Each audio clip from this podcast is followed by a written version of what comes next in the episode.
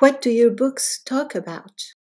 As mentioned previously, I tend to write about ideas and undercurrents that affect us all, often things that get swept under the rug. عما تتحدث كتبك يقول كما ذكرنا سابقا اميل إلى الكتابه عن الافكار التيارات التي تؤثر علينا جميعا في كثير من الأحيان الأشياء التي تكتسح تحت البساط.